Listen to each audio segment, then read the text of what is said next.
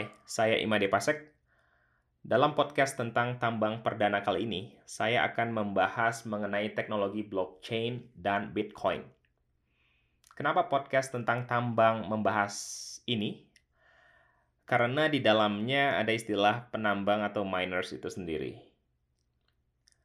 Jadi, dengan nilai Bitcoin bullish atau naik di kuartal pertama tahun ini, membuat banyak rekan-rekan di cycle saya membicarakan, menanyakan, dan mendiskusikan mengenai Bitcoin. Jadi ada baiknya saya berbicara mengenai ini. Oke, okay, uh, without further ado, let's start it. Blockchain and Bitcoin 101. Um, sebelum berbicara mengenai Bitcoin, ada baiknya kita mengerti terhadap apa yang dinamakan dengan teknologi blockchain. Dari judulnya, memang terdengar cukup complicated dan uh, bahasa dewa. Uh, namun saya akan coba membumikan dengan bahasa yang uh, lebih sederhana. Kita akan mulai dengan internet. Nah, um, bagaimana sebenarnya kita mengirimkan dokumen atau file ke dalam internet? Jadi, untuk mengirimkan copy file, untuk mengirimkan file di internet, pada dasarnya kita adalah mengirimkan copy file itu sendiri. Contoh, jika saya ingin mengirimkan file kepada si A, yang saya kirimkan adalah copy file itu sendiri. Saya punya file filenya, kemudian internet tech company punya file itu sendiri, serta si A uh, punya file itu sendiri. Nah, dengan blockchain uh, memungkinkan atau mengenable untuk ownership ikut pindah. Jadi, kalau saya punya file, saya akan kirim ke A, jadi file tersebut langsung pergi ke A. Jadi saya sama sekali tidak memiliki uh, kopiannya. Uh, kita ke blockchain. Jadi blockchain itu adalah series of block yang dirantai satu sama lain sama seperti padanan katanya, block dan chain. Jadi kotak dan rantai pada dasarnya. Um, ini adalah sistem database yang dipecah menjadi blok yang dirantai satu sama lain. Dengan syarat sequence-nya harus sesuai dengan urutan 1, 2, 3. Misalnya angka 1 harus ada di sebelah angka 2, angka 2 harus berada di sebelah angka 3. Jadi jaringan ini uh, menjadi hampir secara praktikal tidak bisa uh, dihack. Karena untuk hack uh, sistem blockchain, kita harus hack seluruh blok tersebut. Ada jutaan blok saat ini dan ribuan server untuk dihack. Jadi dengan sistem seperti itu sangat aman. Uh, ya seperti saya bilang tadi hampir tidak mungkin untuk di uh. Nah, karena sistemnya yang uh, cukup secure, um, sehingga orang nyaman menggunakannya sebagai mata uang atau currency. Jadi currency pertama uh, sistem blockchain itu adalah Bitcoin. Di Bitcoin ada teknologi blockchain. Nah, di dalam codingnya tersebut terdapat sebuah sistem uh, yang membuat Bitcoin ini atau blockchain ini menjadi decentralized atau desentralisasi dan ini merupakan uh, a whole new world untuk uh, dunia internet seperti itu. Um, kita kembali dengan um, sistem transfer tadi. Nah, kalau saya ingin transfer uang uh, ke si A, pada dasarnya saya kasih uang saya ke bank dan bank mentransfer mentransferkan uang ke si A dengan adanya transfer fee. Nah, dengan Bitcoin ini kita bisa transfer langsung ke si A tanpa adanya pihak ketiga. Nah, kembali pertanyaannya, kenapa Bitcoin muncul? Kalau kita ingat di tahun uh, eh, 2008 ketika ekonomi crash di Amerika sana, eh, bank-bank uh, besar memiliki peningkatan akumulasi kredit uh, dalam waktu singkat jadi, uh, apa ya, ketidakpercayaan terhadap bank mungkin ini membuat uh, Satoshi Nakamoto. Jadi Satoshi Nakamoto ini adalah nama samaran membuat uh, sebuah konsep yang diterbitkan dalam paper uh, judulnya adalah Bitcoin, a peer-to-peer electronic cash system. Jadi isi dari paper tersebut pada dasarnya adalah uh, bagaimana kita membuat money for internet.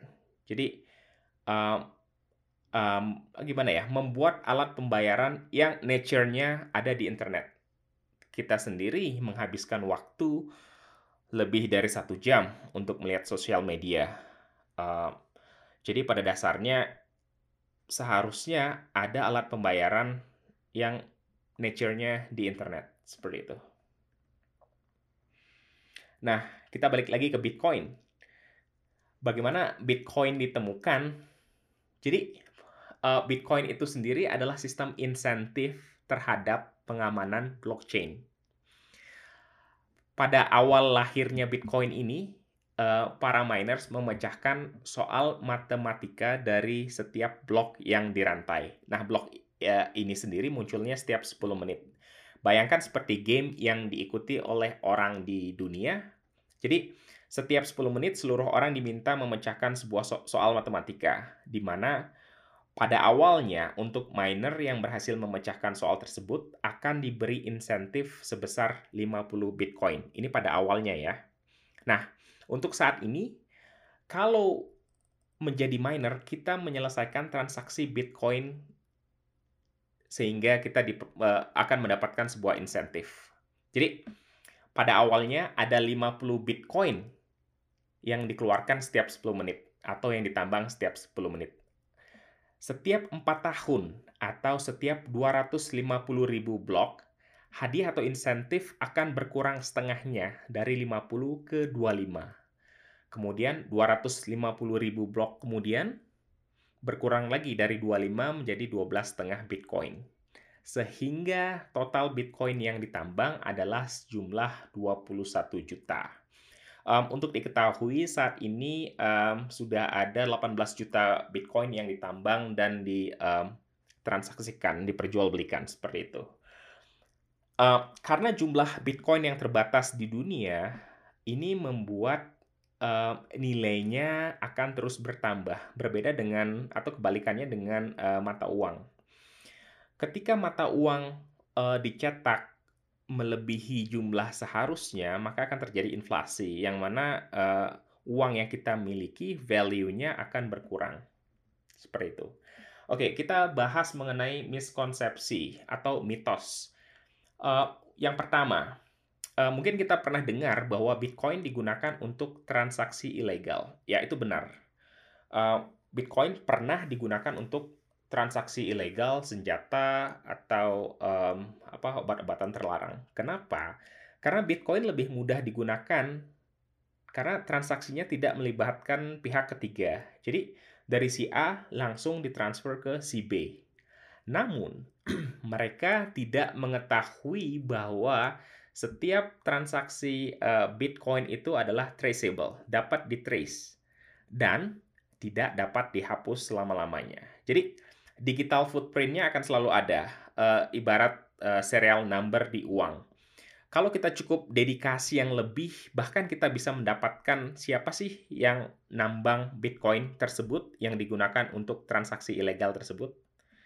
Jadi istilahnya um, transaksi Bitcoin adalah anonymous, itu adalah mitos. Uh, sebenarnya transaksi Bitcoin adalah pseudonymous. Uh, kalau kita ingin melihat pergerakan Bitcoin, silahkan buka blockchain.com. Di situ ada uh, uh, transaksi Bitcoin dari mana ke mana, dari wallet mana ke wallet mana. Um, kalau kita lihat pada dasarnya adalah um, lebih banyak mana transaksi ilegal dengan menggunakan Bitcoin atau US dollar atau uh, currency lainnya kan?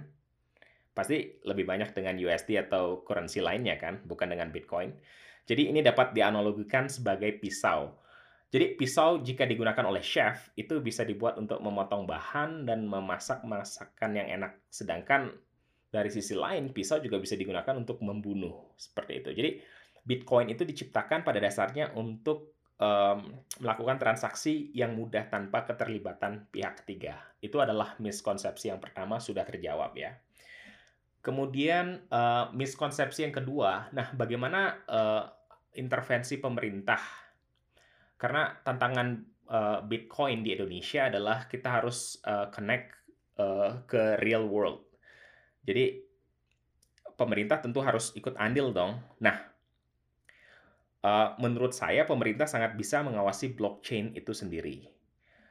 Eee, eee, kalau menurut saya, pemerintah akan mengadopsi blockchain ketika sebagian besar institusi-institusi menggunakan, eee, teknologi blockchain. Jadi ibaratnya pemerintah dapat membuat sebuah sistem blockchain yang connect dengan semua perusahaan atau institusi blockchain, eee, di mana setiap blok dapat dipantau oleh pemerintah sehingga, eee eee, pemerintah dapat memotong pajak dari setiap transaksi yang ada. Dan melalui blockchain, sistem ini dapat dibuat melalui smart contract sehingga, eee, benar-benar menutup jalan untuk, eee, yang namanya korupsi, seperti itu. Nah, eee, bagaimana sih kita bisa memperoleh Bitcoin? Misalnya kita ingin involve di bit Bitcoin, yang pertama caranya adalah ditambang. Jadi menambang Bitcoin tidak sama seperti menambang mineral ya. Jadi Bitcoin is a software, eee, digunakan eee, menggunakan komputer untuk running software tersebut. Jadi ibaratnya biarkan saja komputer melakukan komputasi dalam 24 jam, 7 hari, eee, seperti yang saya bilang tadi, memecahkan soal matematika atau mengamankan jaringan jaringan. Basic basically kalau kita menjadi miner, mmm, kita akan menjadi ser server itu sendiri. Mmm, satu alat mining atau mining rig itu harganya 25.000.000, eee, belinya di China. Kalau dengan bea cukai masuk ke Indonesia, harganya menjadi ya 40.000.000 lah. Nah, mmm, untuk profit untuk menjadi miner, kita harus bersaing dengan miner di seluruh dunia yang punya mining rig sebanyak satu mall. Jadi, kalau kita ngeyel pengen mining dengan satu mining rig, mmm, ada sebuah paper atau studi yang saya baca, eee, untuk memecahkan satu blok sehingga mendapatkan sebuah reward Bitcoin itu dibutuhkan 12 tahun. Jadi, eee, tidak worth it sebenarnya mining dengan menggunakan satu alat mining rig. Mmm, ada isu yang ditimbulkan oleh mining aktivitas mining ini mining ini sendiri, yaitu, eee, aktivitas mining ini mengkonsumsi, eee, cukup banyak listrik, eee, karena konsepnya itu sendiri adalah proof of work. Nah, mmm, ada namanya cryptocurrency yang lain namanya Ethereum, eee, itu mengubah menjadi proof of work, menjadi proof of stake.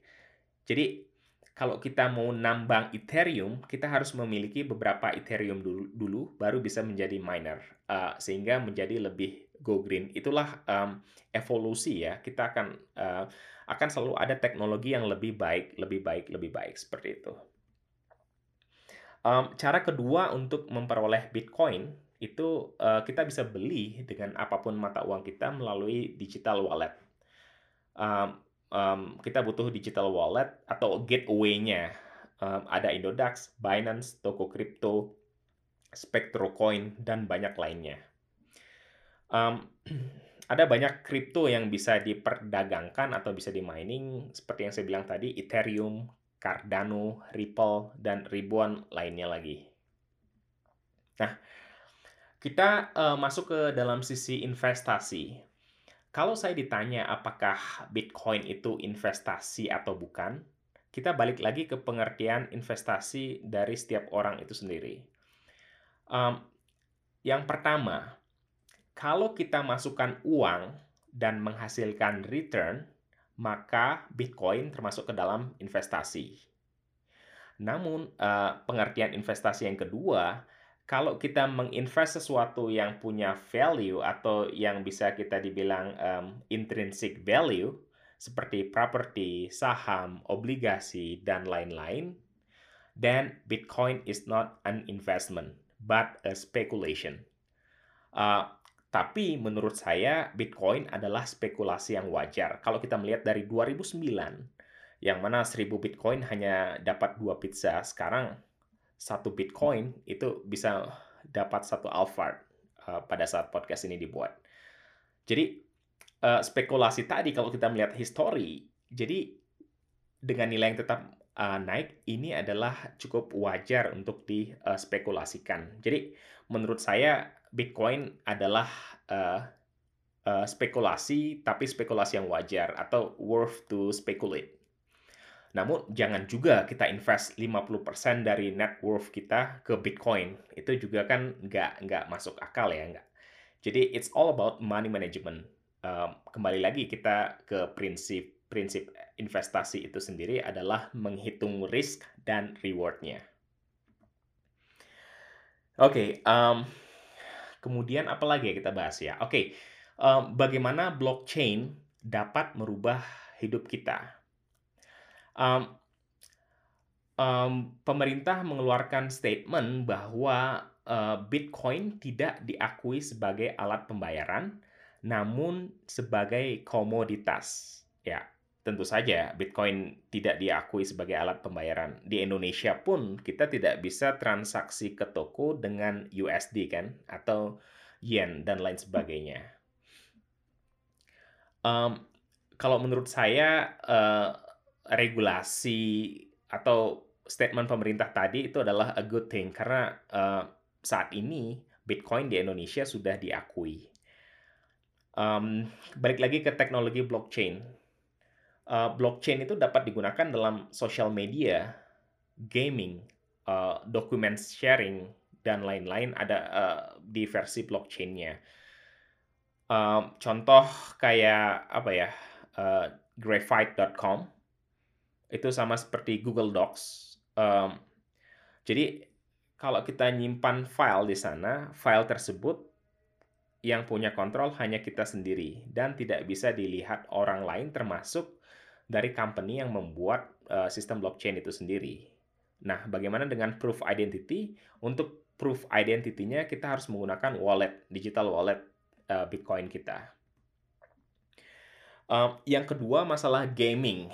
Jadi sekarang tuh ada gaming namanya Decentraland. Jadi kayak VR gitu, virtual reality uh, kayak sebuah negara atau sebuah wilayah atau dunia mungkin ya. Jadi uh, di mana uh, kalau kita masuk ke dalam game tersebut, kita bisa beli tanahnya, kita bisa bangun sesuatu, kita bisa pasang iklan billboard dan sebagainya. Jadi di dunia tersebut ada currency yang digunakan namanya mana um, dan currency ini tentu bisa di convert ke Bitcoin atau sebaliknya.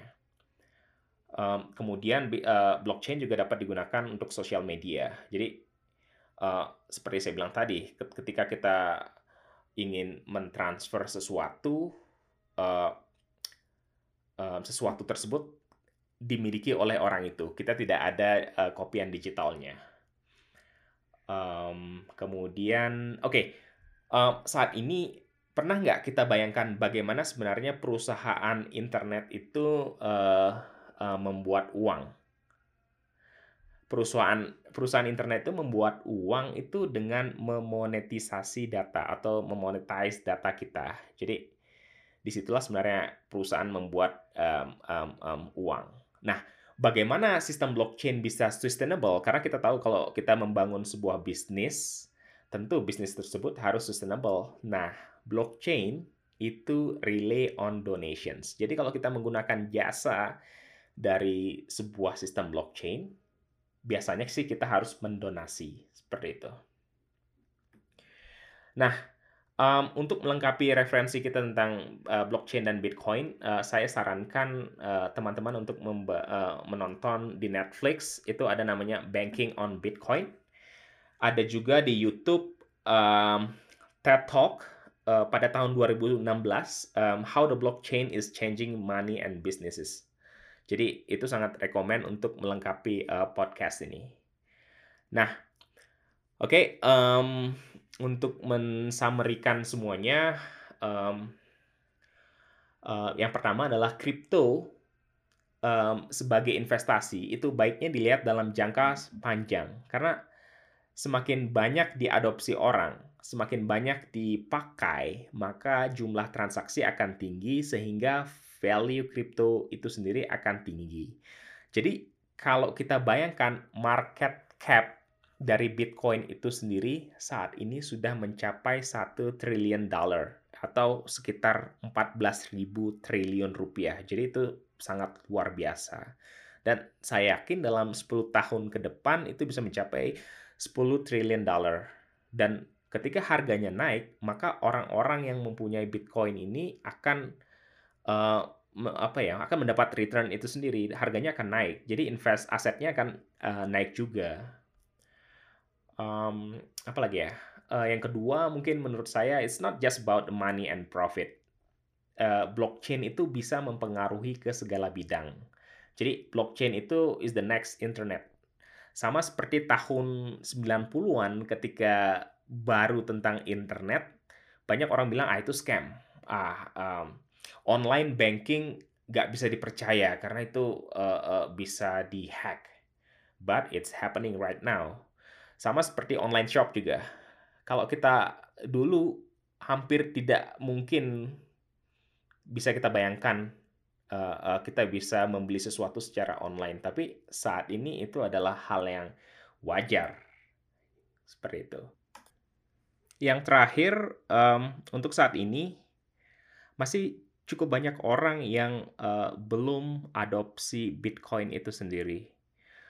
Harga Bitcoin per hari ini ketika podcast dibuat mencapai uh, 850 jutaan rupiah. Uh, saya membuat model uh, dari beberapa model yang saya temukan.